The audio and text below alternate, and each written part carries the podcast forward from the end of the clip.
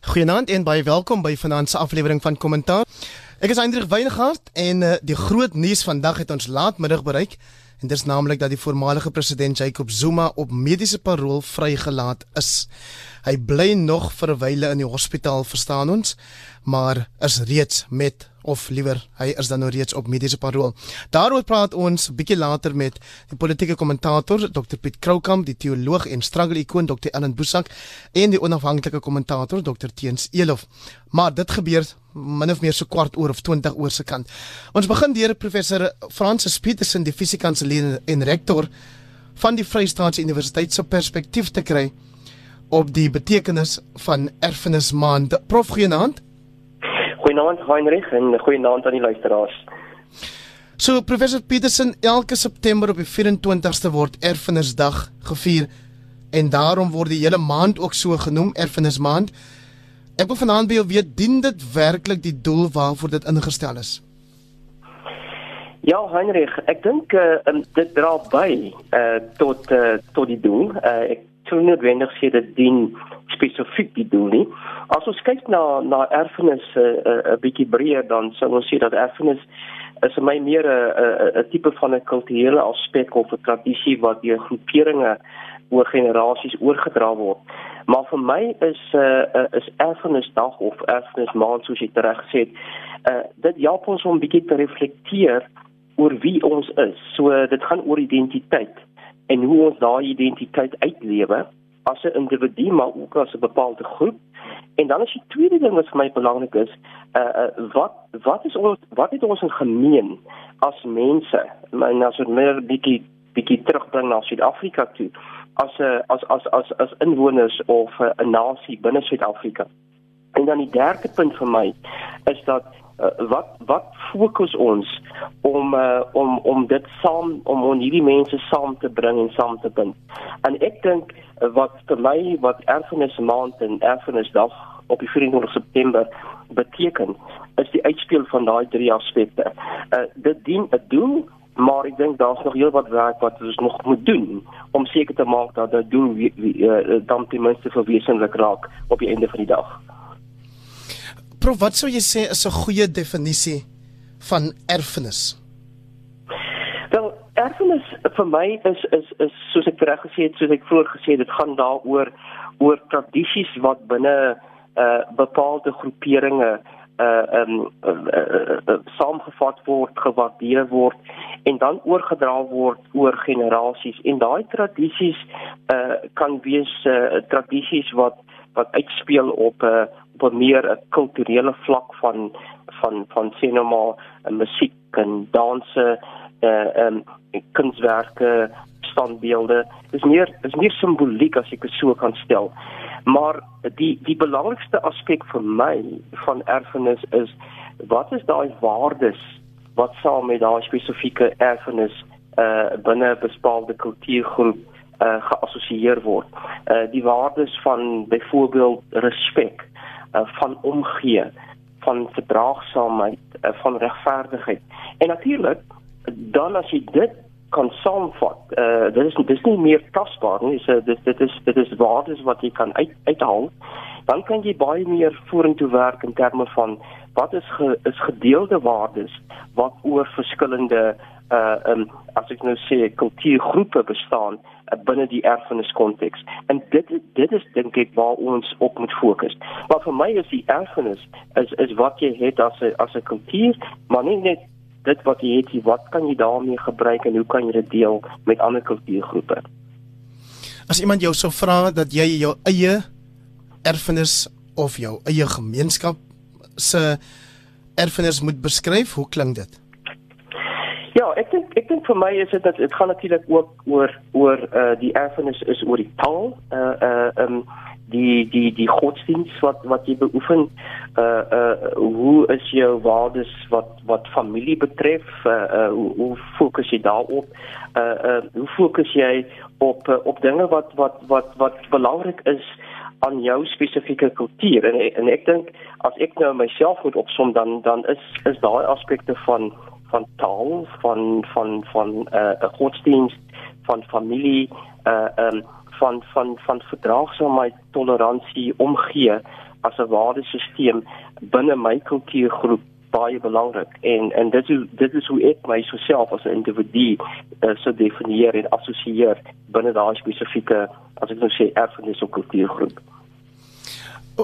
Prof behoort ons ruimte te laat vir elke gemeenskap hoe jy hulle ook al wil identifiseer, sy dit nou by wyse van taal of kultuurgroep of rasgroep selfs of geloofsgroep is, behoort daar ruimte te wees vir elkeen van daai groepe om hulle spesifieke erfenisse te kan vier, herdenk of moet dit altyd onderhewig wees aan die amper breër brugbou beginsel van kom tersame soos wat ons aanhef ter die grondwet ook sê? Ja. So Heidelberg uh, ek dink dit is belangrik dat daai individuele uh um uh aktief aktiwiteite of entiteite of aspekte wat geassosieer word met jou met 'n spesifieke kultuurgroep. Dit is belangrik dat dit behoue bly. Uh um en en en dat mense daarna kyk want vir my kom die sterkte van uh, daai brugbou soos jy teregwys in die grondwet dit kom ten volle uh, as 'n as uh, word in volle uitgeleef as jy regtig gaan kyk na diversiteit.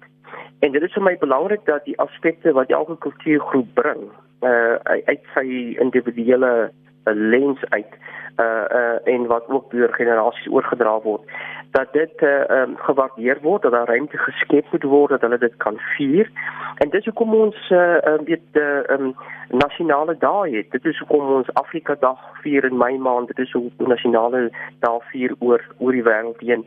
Is om daai om daardie die, die, die diversiteit dan te gebruik en en hopelik die kultuur uh, en die sterkpunte van wat daai kultuur bring te gebruik om te sê maar dit is so dit is so hoe ons dit gaan gebruik om 'n brug te bou vir 'n vir 'n vir 'n beter toekoms, vir 'n beter wêreld.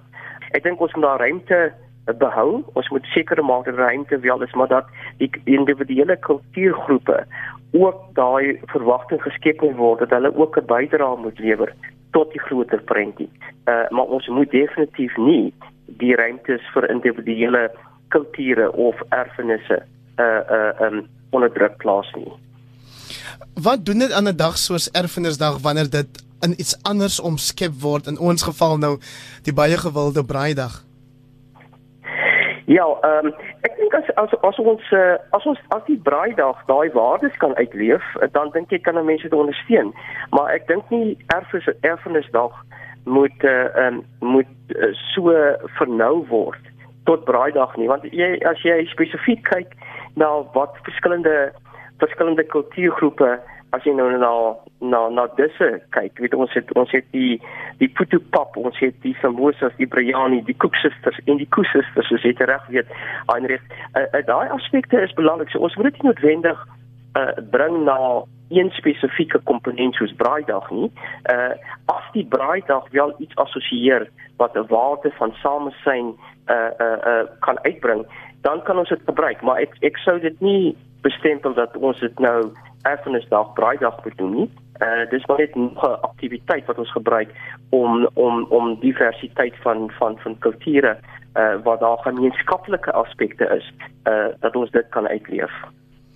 Jy het vroeër verwys na simbole en ek wonder hoe belangrik dit vir jou is dat ons moet seker maak in hierdie land dat elke groep wel sy of hulle erfenis gereflekteer sien in openbare simbole. Ja, ek ek dink daar is 'n ehm, daar's 'n ruimte vir albei. Ek weet daar's 'n ruimte waar uh, die, die die die vraag wat uh, as ek nou daai vraag sou beantwoord dan dink ek is belangrik om twee dinge te balanseer. Daar's 'n ruimte vir die individuele refleksie van van van individuele kulture, maar daar's ook 'n ruimte vir vir uh, wat ek nou noem 'n vriendskaplike ruimte vir vir vir vir 'n sense of belonging waar die ander ander kulture ook insluit. So dis 'n balans wat 'n mens moet aanhaal tussen die twee. Ek dink ons moet gaan en net gaan uh, standbeelde afbreek of of museums boikot en en en en ander monumente probeer ontslaaf van raak nie. Maar ons moet ook kyk tot watter mate sekere van hierdie aspekte uh uh um sosiale kohesie wat wat na ons vrede nie net in Suid-Afrika nie, maar wêreldwyd tot hoe mate van as ek sou kan sê te uh, uh, benadeel. En dis vir my daai fyn balans, maar jy moet dit jy moet dit op 'n verantwoordelike manier bestuur. Uh dit is 'n sosiale, dis sowel as 'n intellektuele projek waar jy na moet na kyk. En ek sou sê maar luister, kom ons maak ruimtes vir in wil nie maar aan die ander aan die ander kant is oos daar moet ook waardering wees dat daai ruimtes wat natuurlik in baie gevalle openbare ruimtes is moet van so 'n mate wees dat dit ook ander groeperinge en ander kulture kan verwelkom. Prof, so ek het ook hier 'n vraag wat sê hoeveel goed of hoeveel skade kan erfenis uiteindelik aan ons sosiale vesel aanrig? Of jy het ook nou verwys na sosiale kohesie. Ja, ja. Ek dink ek dink uh um erfenis kan vir my uh, uh, kan baie tot sosiale kohesie bydra. As ons as ons so simbole soos ek nou vir jou vroeër gesê het, en die luisteraar gesê dat ons simbole reg bestuur, die simboliek daarvan reg bestuur, uh maar dat ons die waardes en gedeelde waardes wat daar uitkom, as ons dit kan kan kan kan kan na vore bring en sê maar hoe kan ons dit gebruik om 'n beter gemeenskap en sosiale kohesie daar te stel. En en en ek dink die die die gedeelde waardes van van sport en familie en van godsdienst en geloof en in in in en van taal is vir my nogal belangrik. Die verdraagsaamheid uh uh in alle aspekte is ook belangrik. Maar as jy byvoorbeeld kyk na waar ek sou sê 'n uh, 'n uh, faultlyne faultlyne in ons gemeenskap is, dan is dan leer dit op meer op 'n politieke vlak. As 'n goeie voorbeeld is wat gebeur het in uh onlangs gebeur het in KwaZulu-Natal en en Gauteng, maar spesifiek in KwaZulu-Natal met die met die met die onvrugtings en so aan. Daar het ons gesien hoe leiers eintlik verdeeldheid probeer saai aan die een kant en aan die ander kant het ons gesien hoe as ek nou sê civil society of gemeenskappe hier saamgestaan het en mekaar ondersteun het. So ek dink as ons erfenis kan gebruik om daai nuances uit te trek om te sê sosiale kohesie is actually is eintlik moontlik. Uh uh want ons kan dit in civil society sien tot 'n sekere mate, maar op die politieke vlak dis waar die uitdagings is en tot hoe mate kan ons erfenisdag en erfenismaand gebruik om spesifiek daardie uitdagings op 'n politieke vlak aan te spreek. En ek dink ek dink dit gaan begin by politieke partye wat wat probeer wat wat moet streef om om hierdie kulture en persone wat in hierdie kultuurgroepe is meer te akkommodeer binne in 'n diverse politieke partye. Uh uh want dit is 'n dit is eintlik waar dit gaan begin en waar dit moet wees om dit uitspeel. Uh sodat ons hierdie hierdie aspekte van sosiale kohesie baie baie beter uh kan implementeer, kan verstaan en kan uitleef.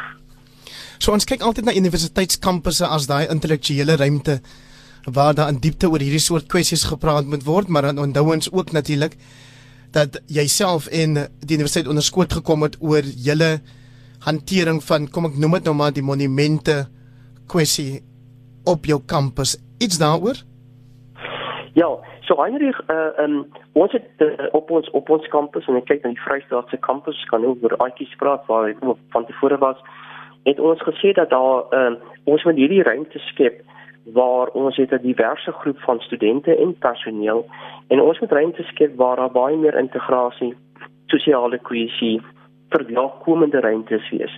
En en daar was 'n uh, in in enige geval was daar 'n spesifieke standbeeld in 'n ruimte wat wat gebruik word deur baie gebruik word deur uh, die hele kampus, studente en en personeel. En ons het deur 'n deur deur 'n redelike groot gesprek gegaan waar ons die studente studente gemeenskap binne en buite die studente die buite die universiteit ook die alumni uh, baie intensief genader het en gesê tot hoe mate uh, kan ons hierdie ruimte ontskep wat baie meer verwelkomend is en na 'n baie 1 en 'n half jaar gesprek uh, wat baie gedetailleerd was, baie interaksie, baie konsulterend, het ons besluit dat hierdie betrokke standbeeld ons gaan skuif van waar dit op die oomblik gestaan het waar dit waar dit gestaan het waar hierdie ruimte tot 'n mate nie bedreiging was nie maar 'n uitdaging was vir sekere groeperinge. Maar ons wou dit nie van die kampus afskuif nie maar ons het op die einde van die dag besluit dat dit geskuif word na 'n museum toe waar uh, daar binne 'n bepaalde uh, geskiedeniskonteks uh, hierdie standbeeld baie baie baie meer geïnkorporeer kan word en die geskiedenis in, in totaliteit uh uh um uh vertel kan word. Maar dit was 'n dit was 'n uitdagende uh insluitende deelnemende gesprek en op die einde van die dag was dit die besluit. Maar daar's ander simbole op die universiteit, ander standbeelde wat ons nie gaan skuif nie. Uh uh want dit is dit is dit dit dit, dit gee nie dieselfde uitdagings vir ons diverse universiteitsgemeenskappe. En dis hoekom ek sê as jy kyk na monumente, jy kyk na simbole, dan moet dit baie omsigtig, baie verantwoordelik en baie deelnemend uh uh bespreek word en wat wat ook die bes, wat enige besluit is wat daar uitkom moet dan moet dan op daai selfde filosofieke manier deurgevoer word waar die sensitiwiteit van al van al ons groeperinge moet altyd uh, vir ons op die tafel wees en moet baie baie verantwoordelik bestuur word. Professor Francis Petersen, fisiekansleer en rektor van die Universiteit van die Vrystaat, baie baie dankie vir jou tyd en jou insigte vanaand. Baie dankie Heinrich. So nou vir die tweede segment van ons program vanaand, ek het vroeër reeds die name van my gaste genoem, ek doen dit weer. Die politieke kommentator Dr Piet Kroukamp, hy is by die Noordwes Universiteit se Sakeskool, naam Piet. Ja, goeienaand, Heinrich. Saam met hom vanaand die teoloog en struggle ikoon Dr Ellen Aubrey Bosak, naam Dr Bosak. Goeienaand Heinrich, goeienaand Dr Kroukamp. En dan ons derde deelnemer vir hierdie segment, die onafhanklike kommentator Dr Teens Elof, ek is omtrent onder die doktore, doktore hierso vanaand. Welkom aan jou ook Teens. Baie dankie, goeienaand almal. So die groot nuus vandag is dat die departement van korrektiewe dienste vir ons laat weet het Jacob Zuma is nou op mediese parol vrygelaat hoewel hy nou nog in die hospitaal wel sal aanbly totdat sy dokters reken hy kan nou huis toe gaan. Julle reaksie daarop asseblief ek begin by jou Piet. Ja, ek net eers plek sê ek weet nie of hy siek is nie. Ek aanvaar dat uh, daar nou nie openbare gesprek sal daar nou refleksie daar wees. Ons onthou Jackie se lewe, ons onthou Charlie se en ons sal heeltyd dink dat daar 'n uh, bepaalde, bepaalde politieke motiewe was met uh, sy vrylating in terme van hierdie reëls wat hulle nou gedoen het. Ek weet nie of hy siek is nie. Ek het al gerugte gehoor dat hy werklik mediese probleme het. Uh, ons moet onthou dat uh, as ek onthou regter Piet Koen het gesê dat die staat in sy uh, uh hofsaak uh, oor die uh, wapenskandaal dat die staat kan 'n mediese span aanwys of 'n dokter aanwys wat hom kan ondersoek. As ek dit reg verstaan het hy geweier dat die dokter hom ondersoek. Uh indien uh, daar wel so ondersoek is en bevind word dat hy inderdaad nie siek of wel uh, gesond genoeg is om sy hofsaak by te woon, sal dit natuurlik weer reflekteer op wat op hierdie vrylating. So ek dink dit kan nog uh, gekompenseer word met daarby kom. Dokter Bosak, jou reaksie? Nee, ek sê saam met Piet, maar die ding is natuurlik dat ehm um, Ons weet nou al baie lank dat Jacob Zuma nie 'n gesonde mens is nie. Hy's 80 jaar oud, so sy gesondheid het van die begin af 'n baie sterk rol gespeel in hierdie hele drama. Uh hy is nou op mediese parol, maar ek het uh, ook gehoor so laat as vandag dat Jacob Zuma self gesê het hy het nie gevra vir mediese parol nie. Hy het ook nie gevra vir 'n presidensiële pardon nie. Uh hy hy hy sê dat die saak wat hy aanhangig gemaak het by die by die by die Hooggeregshof, by die grondwetlike hof, dat daai saak dat die hele proses soos hulle moet omgewerk het ter syde gestel word, dat daai saak moet verhoor word. En ek meen amper het gesê hy weier om huis te gaan uh en in die gevangenis het te gaan tensy daai sake aangespreek word. So ons weet nog nie waarheen dit gaan lei nie, maar dat dit groter onrus en groter probleme gaan veroorsaak met die oog op meneer Zuma se ondersteuners lyk vir my onbetwisbaar.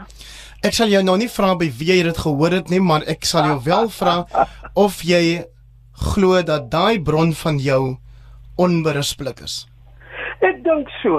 Ek dink so. Kyk, ek het nie baie kontakte met mense binne die ANC meer nie. Ek het ook nie en ek is ook nie so vreeslik uh, beïndruk met wat ek altyd in die nuus lees nie.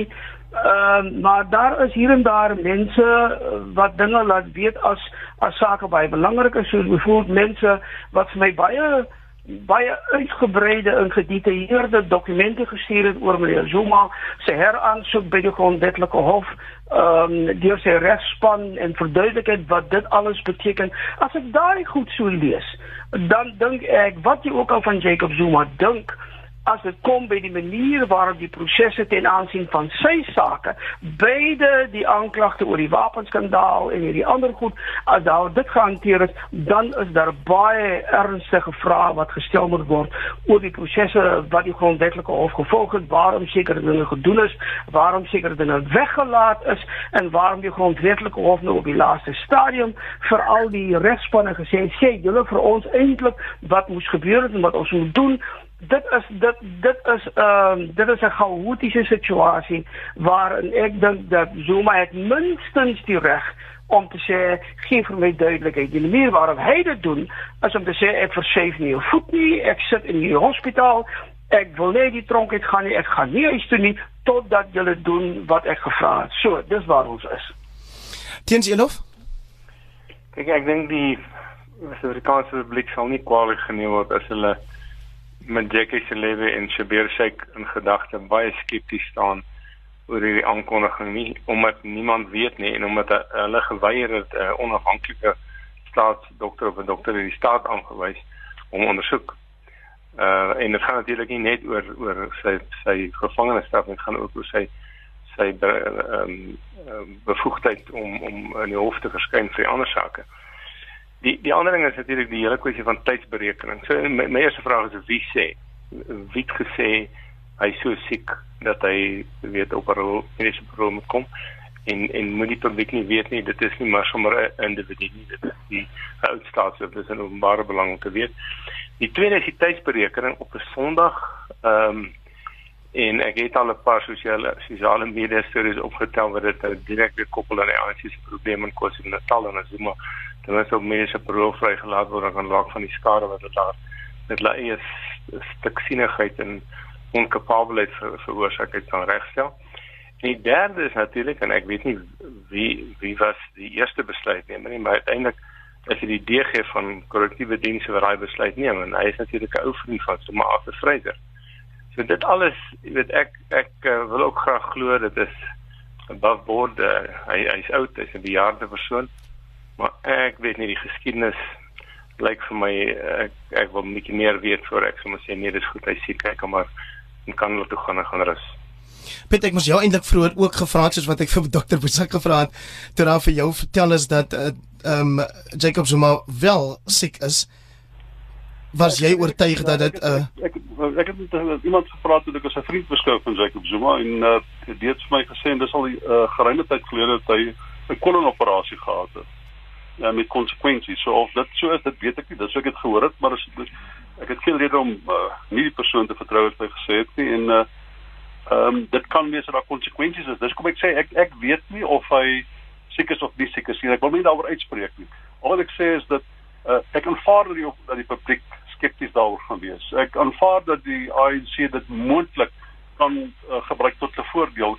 Uh ek uh, aanvaar byvoorbeeld dat die ANC geweldige probleme het indien hulle nie hulle lyste kan weer oopmaak nie en dat hulle geweldige probleme het gegee oor die feit dat in 2016 het net 22% van stemgeregtigdes vir hulle gestem en uh met die nasionale verkiesing in 2019 het 27% en dit beteken dat hulle uh, hierdie tipe van verdeeldheid kan gevolge hê by die stembus. Ons weet dat politieke partye normaalweg baie hard gestraf word as daar binnengevegte soos Cope gehad het, soos die UDM gehad het, soos die BA hierdie tipe van binnengevegte is baie sleg vir 'n party en ek, ek kan verstaan dat dit moontlik vir die ANC sinvol is om te sê maar ons moet op 'n of ander manier want ons nou minstens die fasaad van van van van van uh, eenheid moet ons voorhou en dit maak net sin om hierdie tipe van Jakobse wat die wingerd verniel soos die feit dat hy op Zuma die tronk is om daai probleme op te los. Nou maar ek kan vir jou sê ek twyfel of die president gesê het laat hom vry. Die kommissaris van korrektiewe dienste ek dink dit is sy inisiatief ek sal toegee dat die president gesê het wel dis jou inisiatief, dis jou reg in terme van die wet dat jy daai reg moet doen. Jy kan daai uh you can make that call en as jy dit doen, gaan ek dit nie teestaan nie want ek wil nie inmeng nie. Ek is nie van op die president voorstel en sê nee, jy kan hom nie vrylaat nie. Hmm. Daar is 'n bepaalde prosesse prosedure. So ek ek aanvaar dat die inisiatief het gekom van Fraser. Die president het gesê dis nie my kol om te sê jy's verkeerd of jy mag dit nie doen nie. Ek aanvaar minister Lamola as eerste ingelig en hy het die president gaan die president sy luister die uitvoerende gesag die poste om in te meng by die ding. En as ek dit reg verstaan sê korrektiewe dienste een van hulle gesondheidswerkers het die president ondersoek en hy het die kol gemaak. Nou as jy die tronke ken, weet jy dat die gesondheidswerkers in korrektiewe dienste voortdurend hierdie tipe van besluite neem oor mense wat op op op op, op verlof vrygelaat word uh, weens gesondheid. Dokter Bisok, Bisok, wieso jy sê sit dan agter hierdie verwikkeling as dit nie die voormalige president self is nie? Wel, ek weet nie wat die voormalige president self het. Natuurlik, hy praat hy met sy mense en bespreek hy strategie en alles wat uh, eh, Dr. Krookamp nou gesê het en wat Kens Elof gesê het, maak natuurlik vir my ook heeltemal sin vanuit 'n sekere perspektief gesien. Die ding is, ehm um, ek is nie so seker soos Dr. Krookamp asof dat die president nie self al agtergekom het alles het verskriklik laat dat sy belange gedien word deur 'n vrylating van Jacob Zuma in hierdie stadium nie. Ek kan byvoorbeeld nie verstaan waarom Cyril Ramaphosa behalwe dat hulle hom in die eerste plek tronk toe gevat het dat hy toe Jacob Zuma toe sien wat besig is om te gebeur in die reaksies uh, in die gemeenskap veral onder die Zuma ondersteuners dat hy nie gedink het dat toe Jacob Zuma se broer Charles siek geword het en gesterf het, dat hy gedink het, "O, hier is my kans om sonder om soos hulle sê gesig te verloor, om daarmee 'n bietjie my selfrespek te bou en sonder om die ANC in die moeilikheid te bring, kan ek sê as president maak ek die aanbeveling of ek maak die besluit en ek sê vir korrektiewe dienste, laat die man uitgaan en laat hy by die kan bly as op wat noem hulle dit compassionate leave of iets van die aard.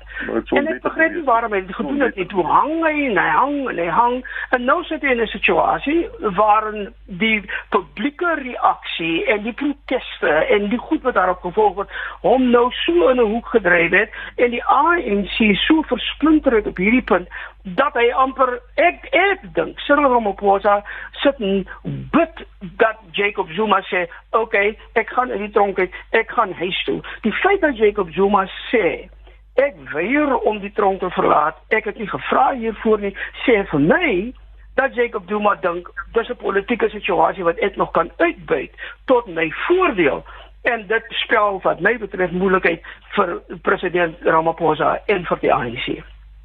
Tens elof indien nie mediese parol nie eh, is die ander moontlikheid wat al heel wat bespreek is, die van 'n uh, presidensiële ehm um, pardon soos wat ons dit noem. Kwytskelding. Of kwytskelding baie dankie daarvoor. Wat sou die wat sou die proses wees? Wie moet daarvoor vra? Ek kan vaar Zuma sal self daarvan vra of sy regspan. Ehm um, miskien moet ons net 'n perspektief stel. Uh hierdie is nou nie die dis nou groot nuus, maar dit is nou nie die einde van die wêreld vir enige demokrasie nie want hy sou in elk geval binne nog 2 maande uh, vir gewone parol in aanmerking gekom het uit die 15 maande. Dit dit word op almal van toepas gemaak ek dink nie daar's 'n sekere klomp vrae wat gevra moet word. Ek dink nie eh uh, Cyril Ramaphosa sal presidentsiële kwessie van gee nie. Ek dink dit gaan dit gaan 'n klomp goed ongedaan maak. En mense kan sê dit gaan dalk help in KwaZulu-Natal maar ek dink die res van die land se ANC en die res van die land se mense gaan net alle vertroue verloor in alles wat eh uh, Cyril Ramaphosa gesê het oor korrupsie bevegting as hy 'n kwetskenning sou gee. Ek dink hierdie pas mooi in. Ehm um, dit ek ek sê met Piet saam ek dink nie dis die president wat dit gedoen het nie. Ek dink die president het al van gehoor deur Lamola. Ehm um, ek dink dat hulle dit laat begaan want hulle kan nie regtig inmeng nie want dit sou om die Engelse woord te gebruik en dit dit, dit sou kleinlik dis die Afrikaanse woord. Die Engels woord petty. Dit sou kleinlik wees om te sê hy uh jy weet ons gaan hom net toelaat om om mediese parol te kry nie. Ek dink die enigste veg sou gewees het is die dokters se ondersoek en die dokter se verslag betroubaar en en as korrektiewe dienste so dink uh, nou ja dan is dit so ek sou graag wou daai verslag gesien het maar ek kan maar dit sal te privaat wees maar ek dink die die korrektiewe dienste skuld die die die land in elk geval net daarmee dit meer verduidelik as om te sê dis dis 'n toestand as om te sê wat dit is Piet maar dat Jacob Zuma agter tralies beland het is vir baie mense in die land 'n teken dat die oppergesag van die van die reg nog geld hierso. Dis jy is 100% reg en dit is hoekom ek sou al geskok verstom is dat Ellen aanbeveel dat die president moet inmeng op 'n manier wat die party kan bevoordeel, die ANC se party kan bevoordeel. Dit is juist wat die president nie moet doen nie. Dit is onwettig as die president in ag genome met die onbestendigheid binne die ANC besluit om vir Jacob Zuma vry te laat. Dit is tot sy eer en sy krediet dat hy dit nie gedoen het nie. Dat hy gesê het ek meng nie in by die regsproses nie. En ek dink dit is dit moet mense toegee dat die regsproses het gewerk, het effektief gewerk. Mens kan nou sê dat hy as hy nou vroeër parol vrygelaat word, die vraag is sal ander mense dieselfde voordele geniet? Sal ander mense op dieselfde wyse behandel word? En jy moet onthou in die konteks van dit wat die grondwet hof gedoen het deur ehm um, by herhaaldelik geleenthede te gee vir Jacob Zuma om homself te verduidelik. Daar was 'n groot mate van verdraagsaamheid vis-à-vis sy saak dit het alreeds die indruk geskep dat daar sistemiese tipe van verdraagsaamheid teenoor politieke leiers op belangrike persone is. Nou hierdie keer kan daai da, situasie ontstaan weer. Dit skep weer die indruk dat hy 'n special case word omdat hy 'n politikus is en omdat dit omdat hy voormalige president is en ek en jy gaan nie so behandel word nie. Maar dit is dit's neither here nor there. Dit is dit is 'n probleem. Maar ek is ek moet vir jou sê ek ek dink Ramaphosa het nie ingemeng nie. Uh Lamola het hom genader. Lamola kan natuurlik hierdie ding hersien as hy wil, né? Uh maar ek het gedink dat dit dit is nie noodwendig sinvol om dit nou te doen nie en ek kan heeltemal verstaan dat hy dit nie hersien het nie. En uh ek ek ek ek moet sê ek dink die president hierdie keer reg opgetree. Piet, daar's verskriklike terugvoer op jou lyn en ek wil nie dat ons jou nou afhaal en weer bel nie want die luisteraars het al in die verlede gedink ons wil jou swartlys as ons dit doen. Dr. Bosak, jou reaksie op wat Piet nou gesê het? Nee, ek bedoel ek dink Piet verstaan my verkeerd.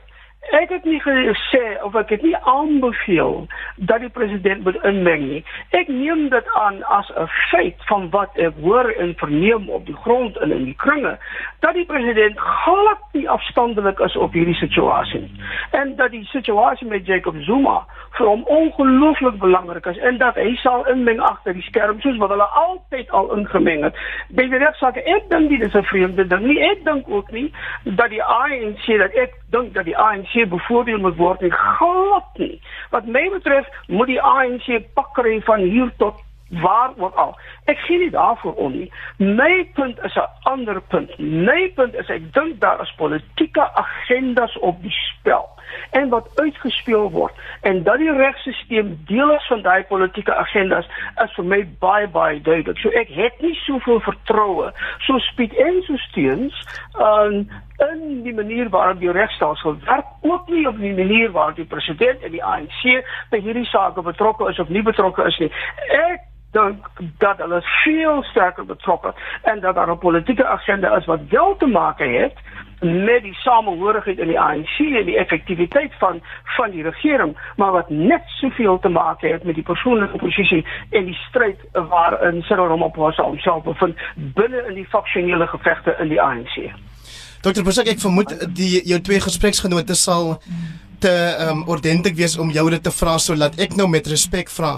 Hoeveel van hoe jy vanaand reageer op die Jacob Zuma ervaring het te doen met jou persoonlike ervaring in die verlede? Wel kyk jy so as 'n mens persoonlike ervaring het en jy het gesien hoe die regstelsel werk en hoe die regstelsel gemanipuleer kan word. Het jy natuurlik alle romantiese idees oor hoe die regstelsel behoort te werk en daai behoort te werk toe te pas asof dit die werklikheid is natuurlik. Maar ek moet sê dat dit is nie vanaand of was ook nie ooit my my my hoofmotivering nie. Ek kyk na wat hier gebeur en vir my is dit baie duidelik. Daar is 'n bepaalde selektiwiteit in die manier waarop die regstelsel toegepas word. Ek noem maar, net uh regstersloop as 'n situasie byvoorbeeld. Daar is ander voorbeelde. Ek noem maar net die manier waarop die ANC en die president self sekere mense uitlewer aan die regstelsel en sekere mense beskerm. En die regstelsel wat onafhanklik moet wees moet afgesien van wat die president sê en hoe die president probeer beskerm, moet hulle hulle prosesse volg. En hulle doen dit nie. Hoe lank het dit vir Cyril Ramaphosa gevat om vir Mkhize te sê uh staan op sy en hy het hy het hom hy het hom verlof gegee. Nou al daai soort van goed is goed wat gewone mense oplet en iemand soos ek wat deur die meule gegaan het is is is sensitief vir die manier waarop die reg toegepas word en vir die manier waarop die politieke situasie en die politieke magte skynbaar wel invloed het op die regsprosesse. En ek kyk met 'n ander oog daarna as my twee kollegas dit is waar Teens 'n laaste gedagte oor die kwessie en dan beweeg ons aan na die plaaslike verkiesing asseblief. Want dit, dit is 'n tema wat nou nou op gaan deurkom maar wat vir my nogal ironies is dat die ANC het 'n manier om iemand wat soos maar die nasionale party ook gehad het om iemand wat uh, 'n foutjie gegaan het uh, en dit op 'n sag te stel om daai persoon net te verplaas. Jy weet maak hom 'n ambassadeur of 'n speaker of so of maar verskuif hom van staatsveiligheid na na 'n taamlike skadelose departement korrektiewe dienste. En as dit byvoorbeeld as ons nou van die teorie uitgaan dat dit dit Cyril Ramaphosa alhoewel hy nie wil inmeng in dit nie vorm goed is dat dit gebeur nie, dan is dit nou tipies 'n uh, gevolg van die ANC se slapheid om mense regtig uh jy weet uh, van ontslae raak as dit nodig is wat ek dink in Afrika se geval geval uh, waar was en tog hier is as as 'n Fraser nou midde midde in 'n rol vir vir, vir Zuma wat ek dink wat die ironiese feit is dat mens maar 'n bietjie in gedagte moet hou. So 22 minute voor 9 uur op RSG 100 tot 104 FM jy luister na kommentaar die program waarop ons Sondag aande probeer sin maak van wat in die voorafgaande week in die nuus gebeur het. My gaste vanaand die laaste stem daar Dr Teens Elof en saam met hom vanaand Dr Ellen Boesak en ook Dr Piet Kroukamp. So Piet ek het nou nie um, um, jy weet mense wat vir my uit die ANC se nasionale uitvoerende komitee vergaderings en besprekings uh, boodskappe aanstuur soos jy en dokter Boesak nie, maar ek het wel 'n boodskap gekry vanmiddag wat blykbaar van die ANC afkom. En dit dui daarop dat die verkiesing nadat die konstitusionele hof mos nou besluit dat die aansoek van die OVK word van die hand gewys om die verkiesing uit te stel, dat dit moet voortgaan op 27 Oktober, maar daarom nog tot op 1 1 November gehou kan word. Dat dit blykbaar nou die nuwe datum is vir 'n verkiesing en ek sal wil weet of wat jy daarvan dink.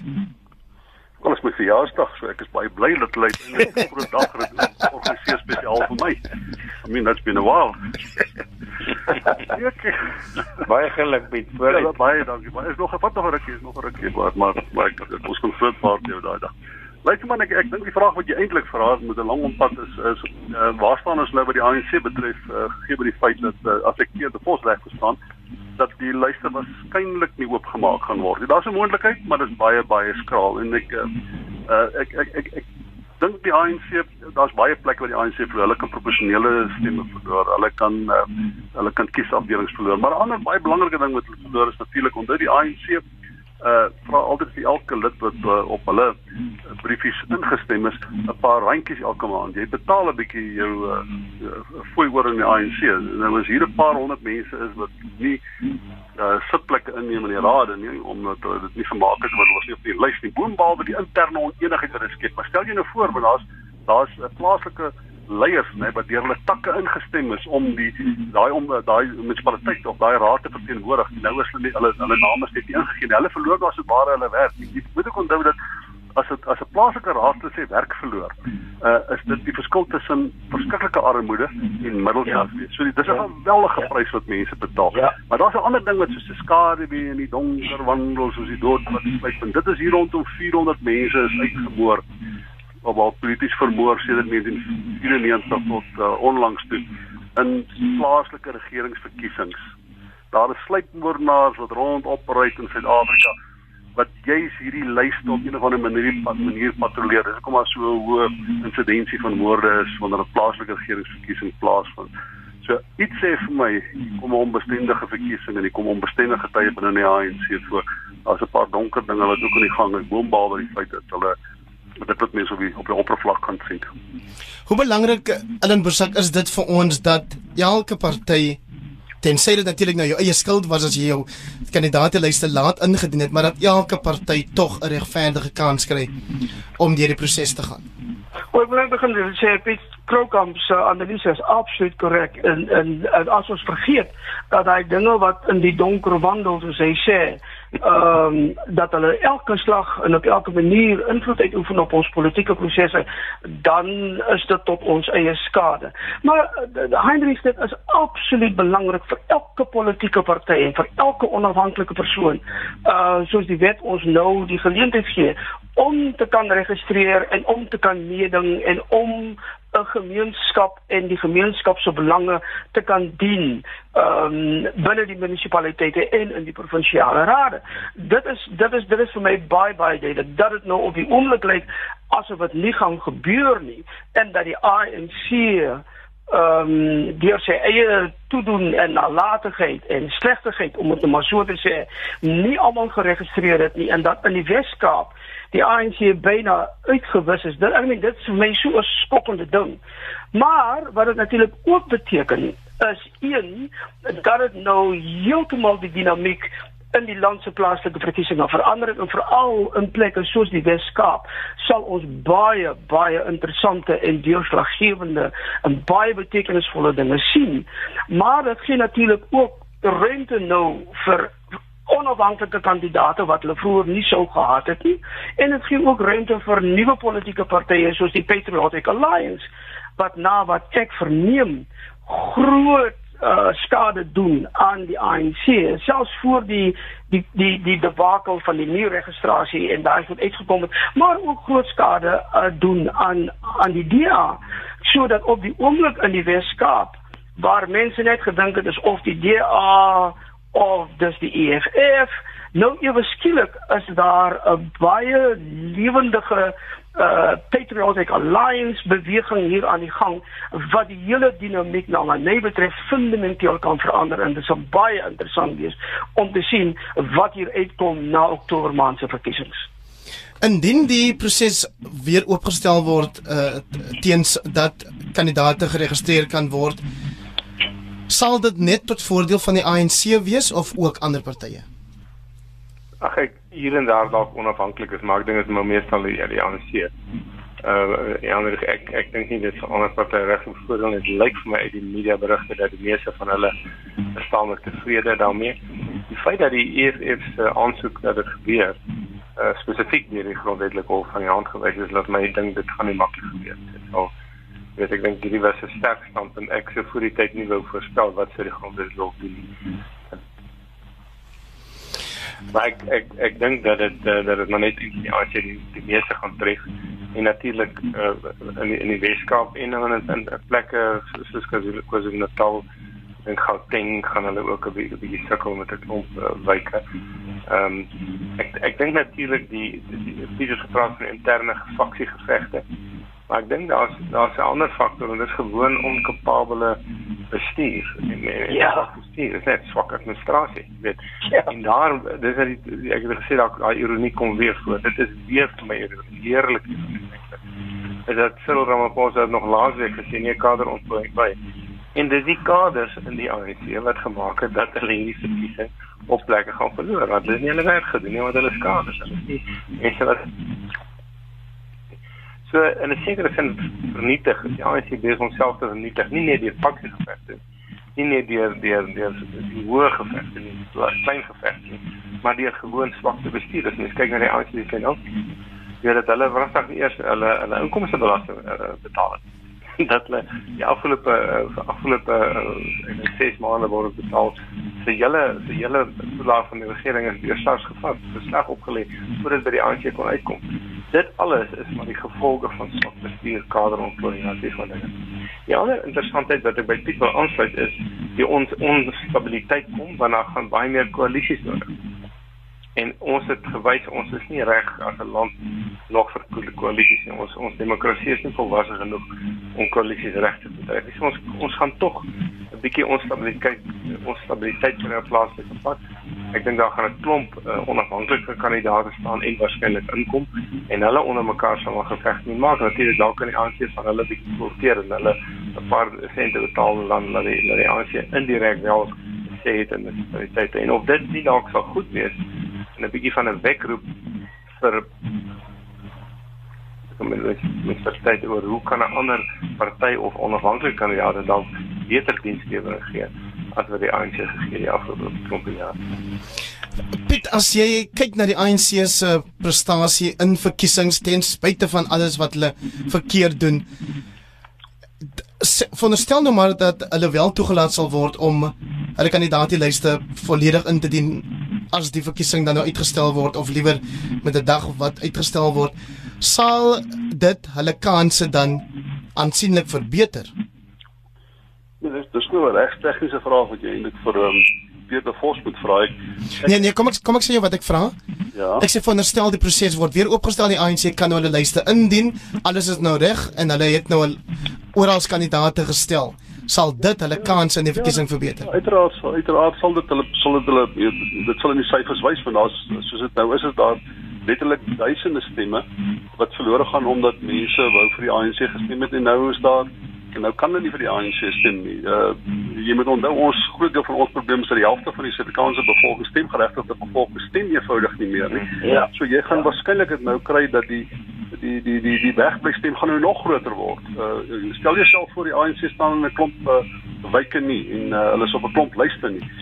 Party mense gaan eenvoudig net die stembus toe gaan nie. en uh, tydker bou so 'n ding momentum op. Daar's 'n gerug in 'n gemeenskap dat die ANC se stembus is so niemand gaan stem nie of baie min mense gaan stem. So dit dit is sleg vir demokrasie. Dit is verskriklik sleg vir demokrasie. Die ANC is sleg vir demokrasie, maar dit is baie meer sleg as die ANC nie behoorlik gerad is om deel te neem aan die verkiesing nie, want die wil van die mense is baie belangriker as die administrasie van die van die ANC. Uh, hierdie is nie 'n ding waaroor 'n mens moet kraai nie. Ek daar gaan kleiner partye gaan effe beter doen in die Weskaap gaan dit makliker wees vir die DA en in bepaalde areas sal oppositiepartye seker deur middel van 'n koalisie die ANC kan dit daar's baie dinge wat gaan gebeur. Maar die feit bestaan is daar's 'n klomp mense wat ontre, ontneem is deur die ANC van 'n reg om te stem hierdie verkiesing. Hulle kan natuurlik jy kan altyd sê hulle kan vir ander partye gaan stem. Maar ons weet nou in Suid-Afrika mense uh, swerf nie sommer tussen partye nie. Dit is 'n dis dis dis dis 'n politieke tuiste wat jy as dit ware het. Maar so dis baie meer emotiewe, komplekse, histories, sosiologies komplekse verskynsel waarvoor mense stem. En mense word nou ontneem van daai vermoë om hulle om om daai krisis te trek in hulle in hulle wil uit. Dr. Busak, so ons verstaan waarom mense besluit om dan eerder nie te gaan stem nie. Jy het self verrig terug aan my in 'n onderhoud gesê vir Vrye Weekblad waarom jy self in wat dit 94 laas dalk gestem het. Maar hoe verander 'n mens mense se se denke oor wat ons noem die wegbly stem? Kyk ek dink dat die wegbly-stem is 'n slegte ding. Dit kan ook amper reg. Dit is sleg vir ons demokrasie as mense net eenvoudig wegbly. Dit is sleg vir die demokrasie as politieke partye uh, nie gerad is om self te registreer om te kompeteer in 'n uh, oop demokratiese verkiesing nie. Maar wat sê dit van die politieke partye waarvoor mense moet kies? Ek ek ek in die jare wat ek in die Verenigde State was, was ek baie diep geslaan deur die ding waar my vriende in die progressiewe rigting in die FSA gesê het ons grootste dilemma ehm um, nou as wat hulle noem uh, the politics of the lesser evil dat jy maar moet stem nie vir die beste wat jy kan kry nie, nie vir die beste waarvoor jy gehoop het en waarvoor jy gewerk het of selfs in die stryd ingegaan het nie, maar jy stem nou maar net omdat die een ou 'n bietjie beter sleg is as die ander een. Ek bedoel, dit is 'n dit is 'n totale uh, dilemma waarin ons onsself bevind en wat ek sien verby hierdie chaos en hierdie verwildering wat op die oomblik plaasvind is dat daar binne die kringe van mense op die grond ons nou vir die eerste keer in 25 26 27 jaar gedwing word om baie dieper en deegliker en eerliker gesprekke te voer oor ons demokrasie en oor die politieke partye aan aan aan wie ons so gebonde voel en en oor die dinge waarvoor hulle staan en dat ek sien dat dit is 'n proses waar ons gesprekke dieper is en beter is en waar ons mense meer opgevoed word omdat ons gedwing word om nou 'n chaos situasie in die oë te kyk wat ons tot nou nog nie gehad het nie. En so ek ek ek weet dit is sleg vir ons demokrasie op die oomblik, maar ons demokrasie is nog nie heeltemal 30 jaar oud nie. So daar is vir ons nog baie geleenthede om te kyk, om te oorweeg, om onsself in die oë te kyk, om ons politieke partye eerliker op die skaal te plaas en te sien hoe staan daai skaal as ons dink aan wat 'n demokrasie behoort te wees en ek dink dat dit kan miskien vir ons mense en vir ons demokrasie 'n baie goeie ding wees. Teens as ons sien hoe dienslewering lyk op plaaslike vlak, wat maak dat mense steeds lojaal bly aan 'n party wat nie kan sorg vir skoon drinkwater of 'n behoorlike rioolstelsel in dorpe in die noorde van ons land en oral eintlik maar nie? Ek dink maar menslike natuur wat Piet gesê het, ek dink dis 'n kultuur, dis 'n politieke kultuur. Ehm um, dat ons maar lank bly by 'n party en hoop vir die beste en natuurlik daar's altyd mense mense kan organiseer, kry nie water nie, maar kry dan mos sosiale toelaag elke maand. En enige ander party dink hulle sal dit wegvat. So ek dink dit is 'n kultuur en hier eh uh, plaaslike mense wat wakker word om te besef. Dis nie maar net dis nie net 'n slegte party wat hier regeer nie, maar is ook korrupte.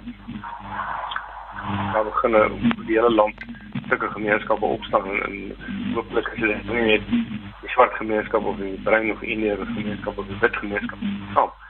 So ek dink dit gaan dit gaan lank vat. Jy weet as ek net maar dink my eie ouers het hoe lank het hulle nog bly stem vir die nasionale party nadat al vir hulle baie dink wat die ding is.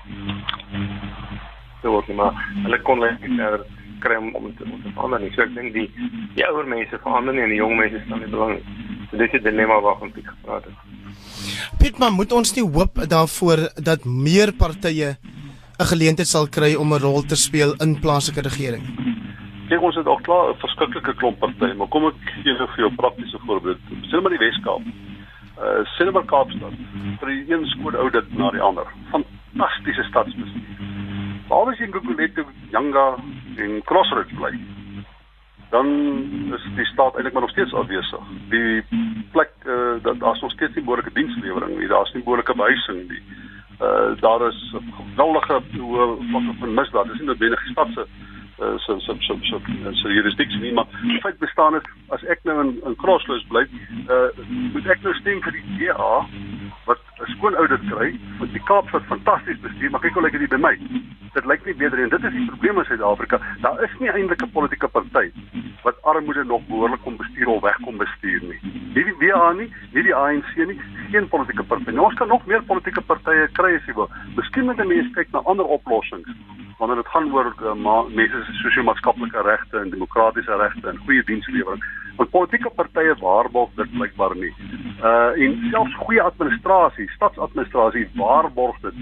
Ek vermoed mense moet kreatief en interessant dink oor wat probleem, hoe los jy die probleem? Jy stad Kaapstad, jy kry skoon nou dit, maar die grootste dele van die stad waar die arme mense bly, in Mitchellsplein en daai plekke, is daar geen dienslewering nie. Is dit lyk dit net so sleg as wat in enige ander provinsie lyk as wat deur die ANC bestuur word. So politieke partye en meer politieke partye is duidelik nie ons antwoord nie. Wat is dan die antwoord dokter Bosak? Wel, jy het my al dit van tevore hoor sê. Ek dink ons is in 'n stadium waar mense begin agterkom dat om dit so te sê ons heil lê in die demokrasie, maar nie in die politieke partye wat ons demokrasie moet laat werk nie. So uh, ek is op die punt waar ek dink 30 30 jaar binne 'n demokrasie is nog nie 'n uh, katastrofale tyd waar mense dink, "O, oh, jy moet alles opgee en daar's geen hoop meer nie." Ek dink daar is 'n ongelooflike ehm um, uh veerkragtigheid in die demokratiese aanvoeling van ons mense. En ek het jou al gesê dat ek dink nie dat 'n mens moet in politieke partye on hierdie stadium soveel investeer nie, maar dat ons liewer moet kyk verder langs die uh, uh met die pad op in die toekoms in. Ek vind my hoop in wat daar besig is om te gebeur in gemeenskappe. Civil society en en en en die gevoel dat mense dink ons moet self meer verantwoordelikheid neem. En daai verantwoordelikheid is natuurlik gedeeltelik om politieke partye steeds nog uh um uh tot rekenskap te roep maar om self te weet ons moet op 'n ander manier 'n politieke bewussyn en 'n politieke werksaamheid 'n politieke verantwoordelikheid opwek in ons mense self. En wat my betref moet die grootste gedeelte van ons energie nou ingeploeg word in buiteman parlementêre politiek en in die bewuswording van ons mense en die vorming van organisasies op die grond wat op effektiewe manier politieke partye tot verantwoording kan roep en te gelykertyd 'n nuwe politieke verantwoordelikheid kan opbou met die oog op die toekoms. Teens en tog vind mense dat dan nie altyd eweveel waardering is vir sê nou maar 'n organisasie soos AfriForum of aan die ander kant van die spektrum dalk Gift of the Givers vir wat hulle doen en eintlik maar die rol van die plaaslike regering oorneem. Dit is interessant dat die president hierdie week in die parlement gesê het dat hulle beplan om heeltemal na die struktuur van plaaslike owerhede te kyk. Ek is bietjie bekommerd daaroor want ek is bang hulle maak dit net groter en groter en sit net 'n 0 en 0 by 1 en dan sit almal almal 0. wou dit ook al sê ek ek dink daar is 'n klomp organisasies en jy noem maar twee daar's ander in die middel en en ja, watter kant ook al wat regtig goeie werk doen maar ek dink almal van hulle sal erken soos to the Givers hulle is maar 'n hulp hulle kan nie die plaaslike owerheid se rol oorneem en of of die forum erken dit ook hulle kan nie permanent dienste lewer nie. Hulle moet 'n dan moet 'n dan moet 'n meer volhoubare oplossing kom. En ek dink nie ons het dit al nie. Ek dink hier en daar daar's 'n klomp ouens wat help met skoonmaak en help met regmaak en hou water in stand maar hulle hulle kry as jy nie 'n wentlike bestuur het wat wil werk nie en wat wil dienste lewer nie dan gaan jy sukkel en ek dink dit dit dit is ons groot uitdaging. So ek ek het nie ek het nie voor 'n maklike en vinnige antwoord nie. Ek dink dit is 'n goeie begin dat 'n gemeenskap, 'n hele gemeenskap wit, bruin, swart hier saam kan sê kom ons gaan ons gaan hierdie ding doen en dalk weer onafhanklike kandidaate kan dit hier daar gebeur. Maar uiteindelik is dit so dat bitter min plaaslike owerhede, ek praat van die metros nie, het genoeg inkomste om dit wat hulle moet doen eh, te doen. Aan die ander kant gebruik hulle en ek hoor die president sê 25 tot 30% van hulle van hulle inkomste gebruik hulle vir salarisse. Ek het nie so dis tussen 80 en 90% wat hulle gebruik vir salarisse want hulle te veel mense wat niks doen nie. So daai hele ding moet moet uh, uh, moet hers geherspekteer word en nie oorgedink word en ek dink dit dit dit gaan 'n bietjie verandering vat. Baie baie dankie vir jou deelname vanaand Dr Teens Elof is 'n onafhanklike kommentator. Saam met hom Dr Allan Boesak, 'n teoloog en 'n uh, struggle ikoon en ook saam met ons vanaand Dr Piet Kroukamp van die Noordwes Universiteit se Sakeskool. Ek waardeer dit dat julle julle tyd afgestaan het vanaand.